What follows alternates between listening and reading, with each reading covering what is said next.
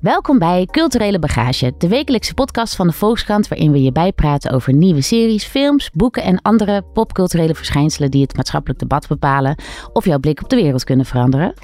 In Culturele Bagage hebben we het over wat je absoluut niet mag missen, maar bovenal wat je van kunst kunt leren over het leven zelf. Mijn naam is Esma Linneman en vandaag gaan we het hebben over de aantrekkingskracht van seriemoordenaars. Waarom zijn ze overal en wat is nou de allure van een serie als Jeffrey Dahmer?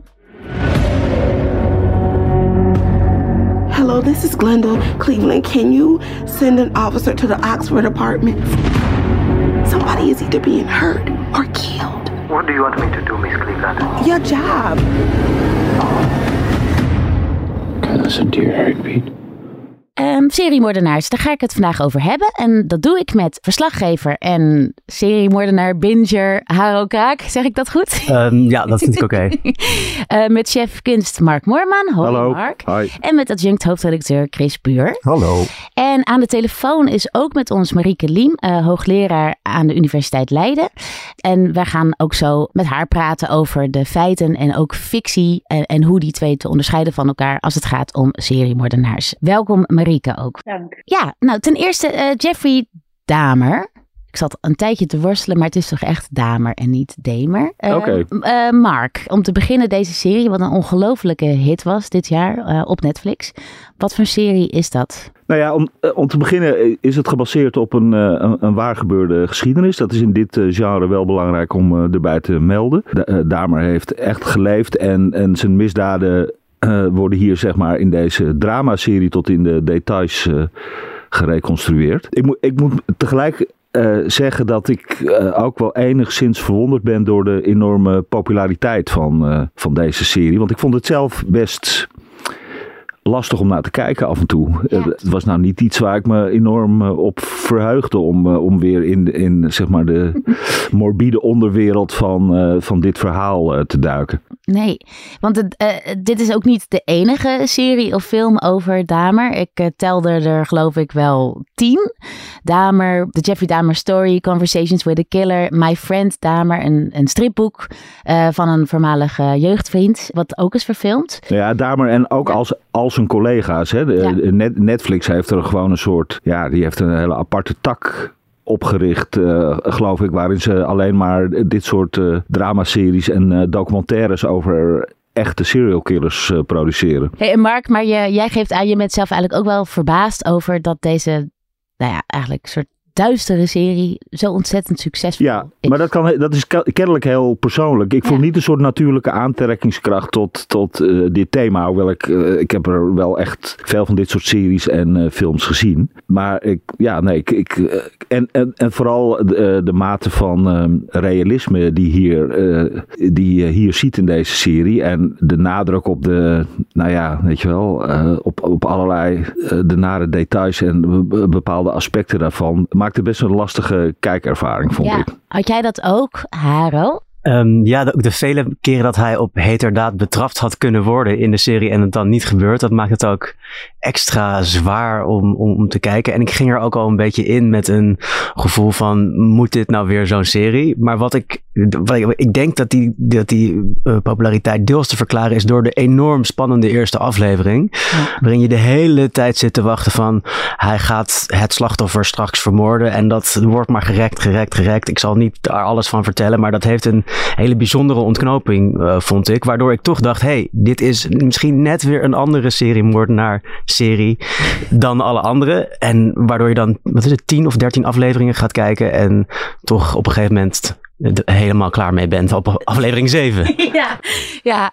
En, en waarom, kan, kan jij verklaren waarom Jeffrey Dahmer nou zo'n ideale seriemoordenaar is? Gezien het feit dat er zoveel films en series over hem zijn gemaakt. Wat denk jij wat, wat hem nou ik denk dat hij heel goed past in uh, zeg maar dat idee van het is eigenlijk een gewone man onder ons. Je ziet het niet aan hem per se. Hè, dat is zo fascinerend voor mensen. Het kwaad ik had ook zoals hem kunnen zijn. Hoe is hij zo geworden? Daar gaat ook een heel groot deel van die serie over. Dat hij als jongetje al uh, roadkill ontleden en zo. En zou dat hem dan zo verknipt gemaakt hebben.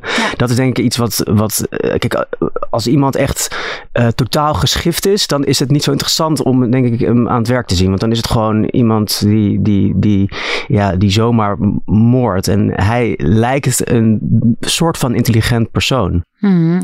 En jij, Kees, heb jij plezier beleefd aan daar? Ja, maar je mag het eerlijk zeggen hoor. Ik ben bang van wel eigenlijk, ja, ja, als je het zo vraagt. Nou, ik zat net na te denken. Het, het de aantrekkingskracht van geweld is eigenlijk altijd hetzelfde, namelijk er veilig van kunnen genieten. En tegelijkertijd zie je dat in de filmgeschiedenis de manier om geweld in beeld te brengen en spannend te maken vooral zich steeds maar weer ontwikkelt en steeds weer nieuwe grenzen opzoekt. En had je in de jaren negentig bijvoorbeeld Nouvelle Violence, waarbij er eigenlijk heel erg werd geëxperimenteerd met wat kunnen we allemaal aan smerige dingen laten zien en hoe erg kunnen we laten zien hoe pijn dit allemaal doet en hoe verschrikkelijk het is. Lees Reservoir Dogs, waarin je minutenlang zit te kijken naar iemand met een buikwond achter in een auto die kermt van de pijn en het houdt maar niet op. Dat resulteerde uiteindelijk in films als Soul, die dan heel expliciet de hele tijd maar martelporno oh uh, lieten zien. Dat was op een gegeven moment voorbij, want daar kan je niet meer verder in gaan. En wat Haro net terecht zegt, wat, wat eigenlijk Damer, vrees ik, als ik het zo bedenk, hoewel ik hem dus beter vind dan dat, maar ook entertaining maakt, is dat het geweld hier eigenlijk heel erg op het ongemak en het eindeloos uitrekken en die zweterigheid en de narigheid en het wordt maar uitgesteld. Dat is ook weer een soort spanning die, die een vondst op zich is, zeg maar. Ja, maar je had het net over Sal. Ik weet me nog te herinneren dat Sal werd uh, gelinkt aan Abu Ghraib, zeg maar. En eigenlijk aan nou ja, gewoon de martelingen in, uh, in, in oorlogsgebieden door de Amerikanen verricht. En er werd een soort van door filmcritici een link gelegd. En, en daarom was Sal een soort sign of the times, zeg maar.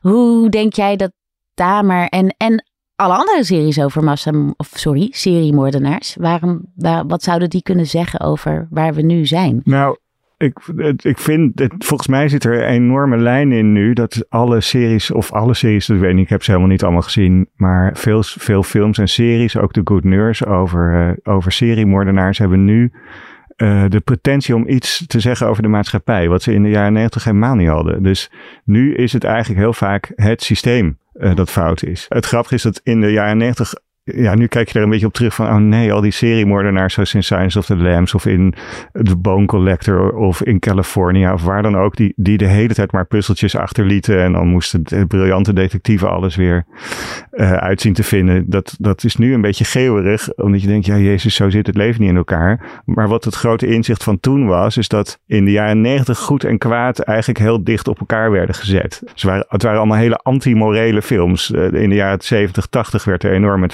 vingers gewapperd. En moest je, had je heel duidelijke verdeling tussen goed en kwaad in films. Daar hebben we het eigenlijk nu mee gehad, blijkt het.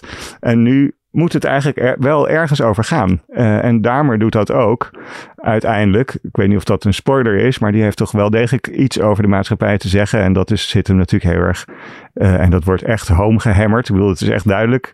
Het gaat er echt over dat Damer overal maar weg, mee wegkwam, omdat zijn uh, slachtoffers uit een hele andere en nogal genegeerde sociale klasse kwamen. Namelijk zwarte gays. Ja, dat, zo'n film zegt iets over de maatschappij en heeft ook echt die potentie. En dat is wel nieuw. Dus jij zegt de marginalisatie eigenlijk van, van die groep staat best centraal in Damer. En daarmee is het meer systeemkritiek dan lekker griezelen bij een afschuwelijke Nou ja, in ieder geval is, vond, ik, vond ik uiteindelijk die balans wel goed. Je ziet die film ook een beetje zoeken. En het nare is wel dat Ryan Murphy die die serie gemaakt heeft, wat een hele uh, succesvolle, maar ook hele, wat mij betreft, hele rammelende maker is, die evenveel verschrikkelijke dingen als goede dingen heeft gemaakt. Ja, die, die heeft dan nu weer aangekondigd dat hij een hele uh, hele catalogus gaat maken van monsterfilms. Dat je denkt, oké, na Damer, yes, dit was lekker. naar de volgende. Dat, dat, uh, dat knalt mijn hele theorie weer overhoop, vrees ik. Dus. Ja, ja. Maar uh, ik vond hier die balans heel erg goed eigenlijk, toch. Ook, er is één aflevering in Damer die helemaal ineens helemaal gaat over een van de slachtoffers. En dat is een heel mooi psychoportretje van een uh, dove, zwarte, gaye jongen. Uh, ontroerend en mooi. Uh, en dan denk je, oh ja, dat is heel goed getroffen dit. Jij knikt, Haro. Jij... Ja, ik vond dat ook een hele mooie aflevering. en tegelijkertijd vond ik het ook wel. Ze proberen allerlei dingen aan te kaarten. Bijvoorbeeld ook uh, de, de glorifying of a killer. Dat hij krijgt een fanbase als hij bekend wordt als killer. En dat maakt deze serie ook weer erger, zeg maar. Het, het- het heeft een soort heel ironisch aspect van kijk ons dit aankaarten. Ja, en het Eh, tegelijkertijd doen. Ja, en het tegelijkertijd doen. De, de mythologisering maken ze erger. Ja. Ja. dat is waar. Het is een beetje zoals met Pam en Tommy. Dat je deed Ja. moet zeggen, oh, wat is wat vreselijk voor Pamela Anderson. En tegelijkertijd, eh, eh, lekker geil. En Pamela Anderson vond het vreselijk zelf ook, deze serie. Ja, Ja. ja. En de slachtoffers, eh, de nabestaanden van de slachtoffers van Damer hebben weer moeite met deze serie. Daar kom ik Ja. zo op. Wat we nog wel bij Damer ook weer zien, is eigenlijk eh, een, een soort stereotype seriemoordenaar. Alhoewel Damer in het echt natuurlijk heeft bestaan. Namelijk man, wit, getroubleerde jeugd. Een, een, een psychopaat die inderdaad onder ons zou kunnen zijn, omdat je hem eigenlijk van de buitenkant niet goed herkent. En we hebben aan de telefoon dus ook Marieke Liem. Als wetenschapper, hoe kijk jij naar, naar deze fascinatie voor seriemoordenaars of naar deze series? Zijn ze waarheidsgetrouw of eh, worden ook stereotypes bestendigd? Ja, je noemde het net al, hè? Nou, het stereotype van de, van de witte man die dan allerlei eh, dieren ontleedt, eh, die die, die die langs de snelweg vindt. Denk wat ook wel in dat rijtje past, is bedplassen hè? en bij, bij zijn moeder wonen en Ja. katjes levend begraven. Nou, dat, dat soort werk. Ja, en dat spreekt heel erg tot de verbeelding. Hè? Dat, dat willen we ook graag zo duiden. Dus ik denk dat met seriemoord dat het een dusdanig extreme gedraging is, dat we dan ook op zoek zijn naar extremiteiten in de vroege jeugd en in de eh, adolescentie. En vanuit de wetenschap is de, is de werkelijkheid wat heterogener dan Ja. dat, hè? Dan, dan alleen maar dat type. Het is wel zo dat we daarin een aantal karakteristieken terugzien. eh, ja, voor inderdaad het merendeel Ja. van de mensen die bekend zijn als seriemoordenaar, die zijn, die zijn man. En die hebben een bepaalde, eh, tussen een bepaalde leeftijd. Maar daar houdt het wel zo'n beetje op. Ja, ik snap het. Die, die nieuwsgierigheid die wij nou als, als kijkers hebben, waar, waar komt die nou vandaan? En wat zegt dat over jezelf als je heerlijk verlekkerd met een eh, biertje en, eh en wokkelchips eh, naar martelscènes van Damer zit te kijken? Het, het idee dat je in een achtbaan zit. Hè? Dus je eh, zit veilig in de gordels. Eh, dus je weet dat je er niet uit kan vallen, maar tegelijkertijd voel je die kracht op je buik en, en kan je je daarin helemaal, helemaal laten gaan. Juist omdat je veilig vast zit. Mag ik ook nog één vraag Ja, stellen? tuurlijk, ja. ja nee, ik vroeg me nog af. eh, de, de maatschappij is natuurlijk over de jaren heen steeds veiliger geworden. Het criminaliteit en moordcijfer is omlaag gegaan. Tegelijkertijd zijn mensen zich steeds onveiliger gaan voelen. Eén theorie is dat de, de, de nadruk in de media en in de cultuur op excessief geweld en zeg maar, true crime daar een rol in speelt. Hoe, hoe zie jij dat? Ja, ik zie dat zeker. Ja, en het is goed dat je dat noemt, want inderdaad, het moordcijfer is nog nooit zo laag geweest zoals nu. Moet ik eigenlijk afkloppen. Maar we leven in een enorm veilige tijd. En dit staat ook al bekend als een veiligheidsparadox. hè, Want we zijn steeds veiliger, maar we voelen ons steeds onveiliger. Waarmee inderdaad ja, niet alleen excessief geweld heel erg wordt uitgelicht, dat ben ik met je eens, maar we zien ook dat relatief ja, ja, handelingen die voorheen niet als gewelddadig werden beschouwd, nu wel als geweld gezien. Bijvoorbeeld aan, aan, aan intimidatie, straatintimidatie of microagressie. Dat zijn dingen die we nu als echt grensoverschrijdend ervaren, terwijl we dat in de jaren negentig nou verre van gewelddadig hè, of, of, of als agressief gedrag eh, bestempelden. Dus ik denk dat het beide kanten op werkt. Zowel het uitvergroten van excessief geweld en daar veel aandacht aan besteden, als het uitvergroten van eh, ja, zaken die we relatief niet gewelddadig vonden, maar nu wel gewelddadig vinden. Ja, heel erg bedankt eh eh, Marieke Liem, eh, hoogleraar aan de Universiteit van eh, Leiden. Die achtbaan dus waar je in zit. Herken jij dat, Haro? Dat, dat heerlijke gevoel van helemaal veilig en vastzitten en ondertussen de meest enge dingen meemaken? Ja, ik, Ja. Ik, denk, ik denk zeker wel dat daar, dat daar een element in zit. Dat, dat, dat klopt, ja. Je- zoals zij net ook omschreef van... We zijn steeds verder afgedreven van geweld. wa- Waardoor denk ik ook onze fascinatie voor geweld... omdat het zo ver van ons afstaat... eh, groter wordt. Eh, en ook onze afschuw er misschien van. Maar dat je het dus juist in zo'n veilige context dan kan beleven. Ja, die, ehm, die verleiding wordt groter, denk ik. Ja. Ja. Hey, en eh, het woord glorificatie eh, viel al even eerder in deze uitzending. Ik vroeg ook me af, waar is bij jullie ligt het onderscheid tussen nou ja, het, het, het, glorificeren of het ophemelen van, van, van seriemoordenaars en het eh, integer en artistiek in beeld brengen van geweld? En slaagt deze serie daar dan in?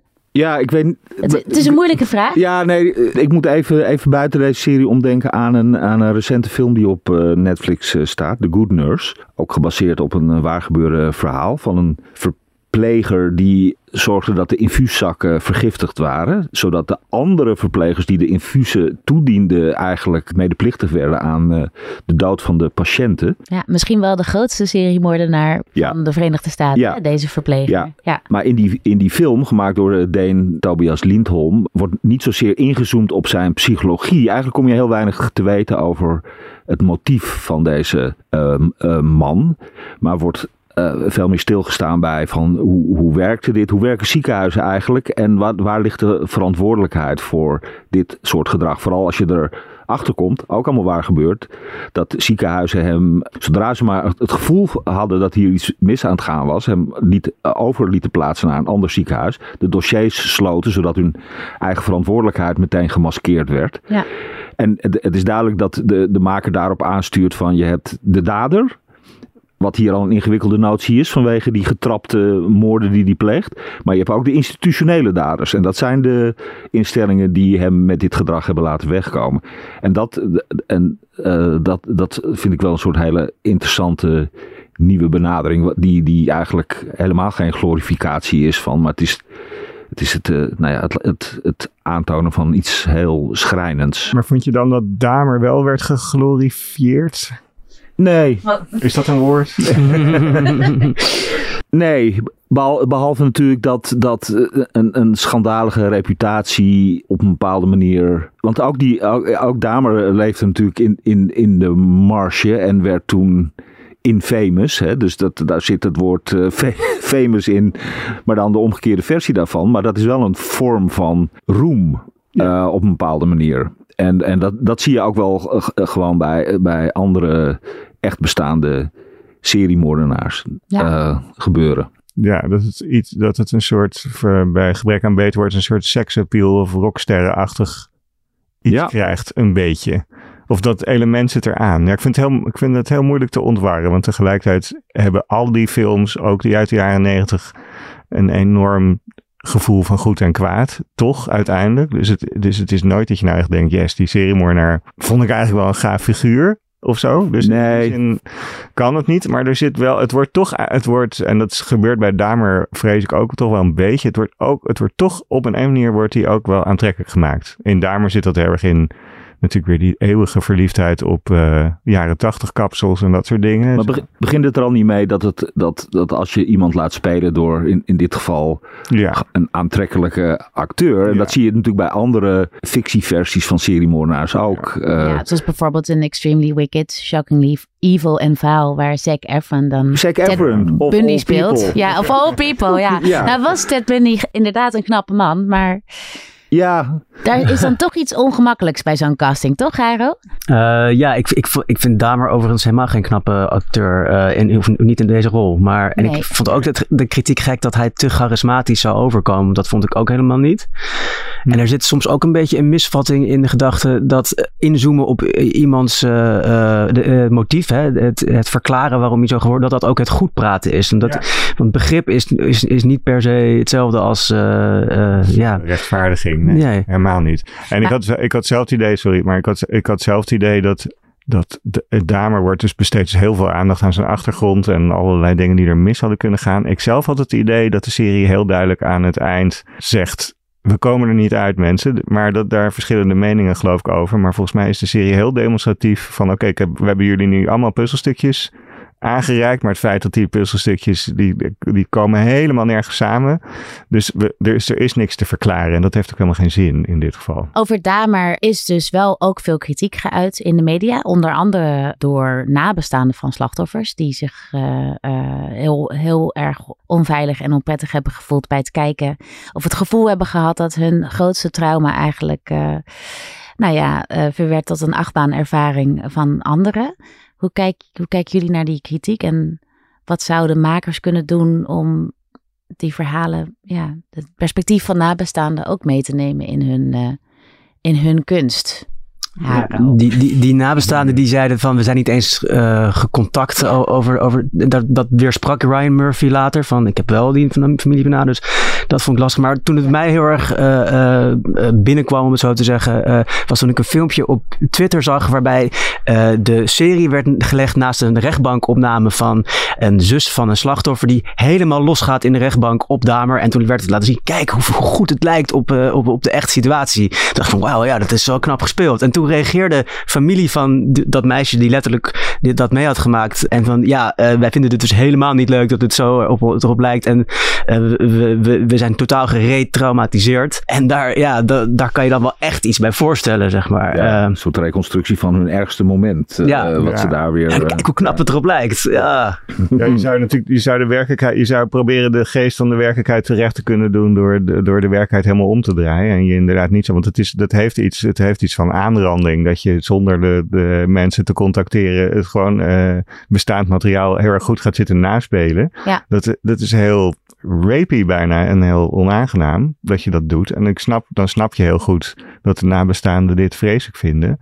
Dus je zou kunnen denken, nou misschien moet je om, omwille daarvan eigenlijk verder van de werkelijkheid vandaan gaan zitten met je film. En niet de al die gebeurtenissen zo nauwgezet reconstrueren. Eh, wat, maar dat wordt dus weer moeilijker gemaakt doordat de fascinatie zo ver gaat dat Netflix de hele tijd ook nog eens keer de echte documentaire erachter aansmijt. Waarbij ik me afvraag of die makers dan niet een soort plicht voelen om het inderdaad juist weer allemaal zo realistisch te doen. Want na The Good Nurse kreeg je dus meteen ik weet niet hoe die documentaire heet. Confessions of a Killer Nurse of zoiets. Of Killer- ja, de Killer Nurse, zoiets, ja, ja, ja. Killer Nurse. Ja. Waarbij je dus meteen inderdaad... En je krijgt meteen het plaatje van de, van de echte vrouw... waar je de hele tijd in fictievorm naar hebt zitten kijken. Je kan bijna niet nalaten om te denken... Ja, ik wil nou toch eigenlijk ook wel even weten hoe het echt zit.